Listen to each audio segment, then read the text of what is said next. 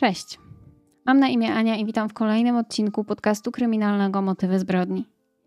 Zanim zaczniemy, chciałabym przypomnieć o subskrypcji kanału oraz włączeniu powiadomień, jeżeli jeszcze tego nie robicie, bo dzięki temu nie zapomnicie o kolejnych odcinkach. Zachęcam także do dołączenia do grupy facebookowej, gdzie dodaję zdjęcia i materiały do omawianych spraw, a także zachęcam Was do dyskusji i dzielenia się swoimi przemyśleniami czy też sugestiami na temat kolejnych odcinków. Dzisiejszy odcinek zaczyna kolejną serię na tym kanale, a mianowicie serię, która będzie opowiadać o oszustwach, aferach i przekrętach. Przeniesiemy się dzisiaj do roku 1989 do Rosji. Był to czas wielkich przemian, upadku komunizmu, zmian na szczeblu władzy, a także społecznych. Z jednej strony społeczeństwo mogło być ciekawe, co niosą nowe czasy, a z drugiej mogli się obawiać o swoją przyszłość. Wtedy jeszcze ludzie mogli nie myśleć o oszczędnościach ale ci, którzy wykazywali się większą przedsiębiorczością, widzieli w nowym ustroju możliwości, jakich wcześniej nie było. Jedną z takich postaci był Siergiej Mawrodi. Siergiej urodził się w Moskwie 11 sierpnia 1955 roku i to on jest jedną z najważniejszych postaci tej historii. W 1978 roku skończył studia inżynierskie na Wydziale Matematyki Moskiewskiego Instytutu Elektroniki i rozpoczął pracę w tamtejszym instytucie badawczym. Jednak to chyba nie było to, co Siergiej chciał w życiu robić, ponieważ bardzo szybko, w 1981 roku, młody Rosjanin rozpoczął działalność biznesową, która w Związku Radzieckim była nielegalna. Skończyło się to aresztowaniem i powrotem do życia, jakie według tamtego systemu powinien wieść przykładny obywatel ZSRR. Jednak nowa rzeczywistość dawała nadzieję Siergiejowi na to, że niedługo będzie mógł przełożyć swoją przedsiębiorczość na pieniądze. W 1989 roku Siergiej, jego brat Wiaczesław oraz narzeczona, prawdopodobnie brata Siergieja, Marina Murawiewa bądź też Olga Melnikowa, tutaj różne źródła podają różne, różne imiona i nazwiska tej kobiety, ale oni we trójkę rejestrują przedsiębiorstwo o nazwie MMM od nazwisk założycieli. Sam Siergiej twierdzi, że Wiaczesław i Marina bądź też Olga nie brali czynnego udziału w działalności firmy, a byli niezbędni jedynie do rejestracji spółki. Firma MMM rozpoczęła swoją działalność od handlu materiałami biurowymi, wyposażeniem biur. Zajmowali się także importem komputerów oraz urządzeń biurowych. Zmiany systemowe pozwoliły nie tylko Siergiejowi i jego wspólnikom na rozpoczęcie własnego biznesu, więc zaopatrywanie w takie produkty, które, które właśnie oni sprzedawali, mogło być dobrym pomysłem i mogło być wielu zainteresowanych. Szybko MMM stało się liderem rynku. Między innymi dzięki świetnej kampanii reklamowej. Firma urosła do tego stopnia, że w całym ZSRR mieli już 34 oddziały. Pojawiły się też dodatkowe, powiązane ze sobą spółki, a nawet prywatny bank. W 1992 roku nad firmą Siergieja zawisły czarne chmury. Na początku roku rosyjska policja skarbowa oskarżyła MMM o przekręty podatkowe i unikanie płacenia podatków. To doprowadziło MMM Bank do upadku, a co za tym idzie, firma nie mogła zaciągać kredytów. Ale to wcale nie oziębiło zapędów biznesowych braci Mawrodi i Mariny Burawiewnej bądź też Olgi Melnikowej. Firma jeszcze w tym samym roku zmieniła profil działalności i zaczęli funkcjonować w branży finansowej, a dokładniej zajmowali się sprzedażą akcji amerykańskich spółek. Bardzo szybko powstała też spółka córka MMM Invest, której główną działalnością miał być handel bonami prywatyzacyjnymi. Niestety w branży finansowej żadna z tych spółek nie odniosła sukcesu. Latem 1993 roku Siergiej i jego wspólnicy założyli kolejny fundusz. Ponownie pod nazwą MMM. Aby przyciągnąć inwestorów, fundusz obiecywał zyski na poziomie 1000%, co przy hiperinflacji nie było czymś nieosiągalnym. Nie wiadomo, czy już w tamtym momencie właściciele MMM mieli w planach oszustwo na wielką skalę. Wiadomo jednak, że MMM działał na zasadach piramidy finansowej. To znaczy, że płatności dla pierwszych inwestorów dokonywano za pieniądze wniesione przez kolejnych inwestorów, a jak już dzisiaj i zresztą wtedy było wiadomo, taki schemat nie ma prawa działać na dłuższą metę. Z dnia na dzień MMM stało się firmą, która obraca milionami dolarów, a żeby wszystko szło jeszcze lepiej, MMM prowadziło dość agresywną kampanię reklamową w latach 1993-1994 w rosyjskiej telewizji. Kampania kosztowała około 330 milionów rubli, ale wydaje mi się, że się opłacało. Na potrzeby tej kampanii stworzono postać typowego Rosjanina, którą mieli pokochać wszyscy i z którą mógł zidentyfikować się target tej kampanii, czyli przeciętny mieszkaniec Rosji. I tak też się stało. Leoni Gołubkow, bo tak nazywała się postać, skradł serca Rosjan. Spoty reklamowe ukazywały Leonię jako operatora koparki, który po zainwestowaniu w MMM stał się bogaty. Mógł sobie kupić mieszkanie, dom, a nawet własną koparkę. Spoty z Leonią są dostępne na YouTubie, więc wrzucę Wam kilka linków w opisie, chociaż uprzedzam, że jakość jest kiepska. Kampania reklamowa nie ograniczała się tylko do serii spotów puszczanych w telewizji. Organizowane były także niecodzienne akcje, takie jak na przykład wykupienie mieszkańcom Moskwy darmowych przejazdów metrem na jeden dzień. Firma zdobyła ogromną popularność, a swoje pieniądze powierzyło im od 5 do 10 milionów ludzi, co dawało wpływy rzędu 20 miliardów rubli. Wtedy to była równowartość 11 milionów dolarów. Sukces MMM sprawił, że inni postanowili otwierać podobne przedsiębiorstwa, które promowali kampaniami reklamowymi i obiecywali ogromne zwroty z inwestycji. Warto pamiętać, że w latach 90. społeczeństwo nie było tak wrażliwe na oszustwa finansowe, więc ufali reklamom w telewizji i każdy też chciał się te wtedy wzbogacić. W tamtym czasie rosyjska waluta była niestabilna. Dzięki kampaniom reklamowym w mediach, raczej uznawanych za godne zaufania, akcje i bony MMM wydawały się stabilną inwestycją. Niektóre firmy nawet płaciły swoim pracownikom bonami z wizerunkiem Siergieja Mawrodiego. W końcu latem 1994 roku prezydent Borys Jelcyn zabronił reklamowania produktów opartych o piramidy finansowe w telewizji.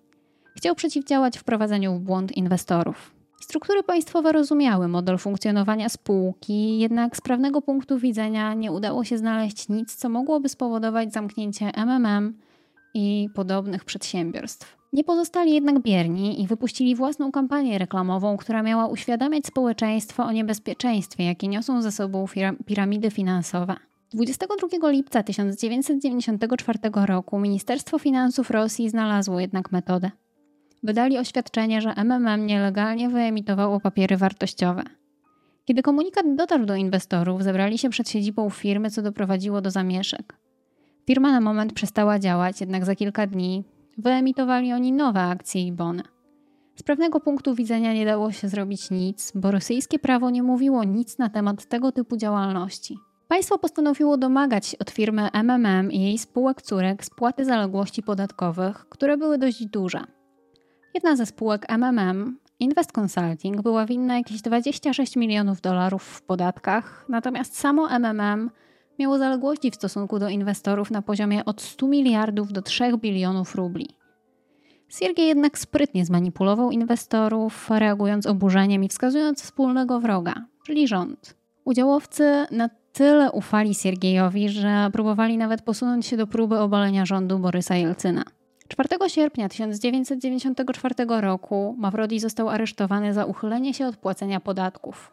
Siergiej Mawrodi nie tylko chciał być biznesmenem, ale z czasem pojawiły się też u niego inne ambicje, a mianowicie chciał sięgnąć po władzę i zdobyć immunitet. W październiku 1994 roku mężczyzna wygrał wybory uzupełniające do Dumy, czyli rządu Federacji Rosyjskiej, a to dało mu immunitet od wszystkich oskarżeń. Twierdził, że padł ofiarą zazdrosnych urzędników oraz że akcje MMM odzyskałyby swoją wartość, jeśli wygrałby kolejne wybory. Siergiej chciał założyć też własną partię polityczną, ale nie mógł jej zarejestrować. W 1995 roku immunitet Siergieja został cofnięty, a rok później próbował on sięgnąć po pozycję głowy państwa. Jednak okazało się, że większość podpisów, które zebrał, aby móc wystartować w wyborach, była wymuszona. Po wielu przejściach i utracie jakiegokolwiek zaufania publicznego, MMM ogłosiło upadłość w 1997 roku. W 1998 roku Siergiej był poszukiwany międzynarodowym listem gończym za oszustwa, jakich się dopuścił. Wiele osób myślało, że opuścił już Rosję i przebywał gdzieś w Grecji albo w Stanach Zjednoczonych. Jednak najprawdopodobniej Siergiej nigdy nie opuścił Moskwy. Mówi się, że w tamtym czasie Siergiej kierował innym biznesem, który został założony na dane jego krewnego. Było to coś w rodzaju gry imitującej giełdę papierów wartościowych. Na stronie internetowej była nawet informacja, że nie jest to prawdziwa gra, a mimo to co najmniej 20 tysięcy osób dało się oszukać. Siergiej Mawrodi został aresztowany w 2003 roku, a w kwietniu 2007 roku został skazany na 4 lata i 6 miesięcy pozbawienia wolności. Przed aresztowaniem Siergiej posługiwał się fałszywymi dokumentami na nazwisko Juri Zajcew. Biorąc pod uwagę fakt, że Siergiej spędził w areszcie kilka lat, został zwolniony z więzienia w maju 2007 roku. W 1996 roku brat Siergieja Wiaczesław poszedł jego śladami i otworzył własną firmę, która również była piramidą finansową o dość niewyszukanej nazwie MMM96. Ale już dwa lata później został aresztowany. Siergiej Mawrodi, mimo odbycia kary za oszustwa finansowe, nie przestał myśleć o tworzeniu kolejnych funduszy inwestycyjnych. W styczniu 2011 roku Mawrodi powrócił. Ogłosił wtedy utworzenie kolejnego funduszu MMM11. Nie wiem właściwie dlaczego wciąż wybierali takie same nazwy, ale może chcieli dać ludziom coś, co jest znane i ma jakąś renomę. Chociaż wydaje mi się, że w 2011 roku MMM mogło się już nie kojarzyć najlepiej. W MMM 11 Mawrodi obiecywał inwestorom zyski na poziomie 20-30% miesięcznie. Z wyższymi zwrotami Mawrodi celował głównie do osób starszych. Obywatele Ukrainy, Rosji i Białorusi zainwestowali w fundusz Mawrodiego i tym razem zebrał pokaźną kwotę ponad 20 miliardów dolarów. Wszystkie pieniądze, które wpłacili inwestorzy, przeliczane były na wirtualną walutę Mawry, wymyśloną przez Mawrodiego. Wartość jednego Mawra zależna była od tego, ilu inwestorów dochodziło do piramidy. W przypadku MMM11 Mawrodi podobno nie miał dostępu do pieniędzy inwestorów, a sam mówił o sobie jako o kimś, kto po prostu koordynuje cały, cały ten proces, czy też system. Mawrodi mówił, że za pomocą swojej waluty chciał zniszczyć obecny system finansowy, który miał być według niego niesprawiedliwy. Podobny biznes Mawrodi rozpoczyna w 2011 roku także w Indiach, Chinach, Kanadzie czy Ameryce Południowej, jasno mówiąc ludziom, że jest to piramida finansowa. MMM jednak bardzo szybko ponosi klęskę i już w czerwcu 2011 roku piramida runęła, ponieważ zabrakło środków na wypłaty dla inwestorów. Jednak dwa tygodnie później Mawrodi ogłosił powstanie kolejnego systemu o dość przewidywalnej już nazwie MMM12. Mimo iż wiadomo, że fundusze inwestycyjne bądź też piramidy finansowe Mawrodiego nigdy nie kończą się sukcesem, wciąż nie brakuje chętnych, aby w nie inwestować. Na stronie MMM istniała informacja o treści. Ostrzeżenie. To piramida finansowa. Uczestnicząc w niej, skrajnie ryzykujecie i możecie utracić w dowolnym momencie wszystkie swoje pieniądze. Proszę o tym nie zapominać. W latach 2015, 2016 i 2017 MMM rosło w takich krajach jak RPA, Zimbabwe czy Nigeria.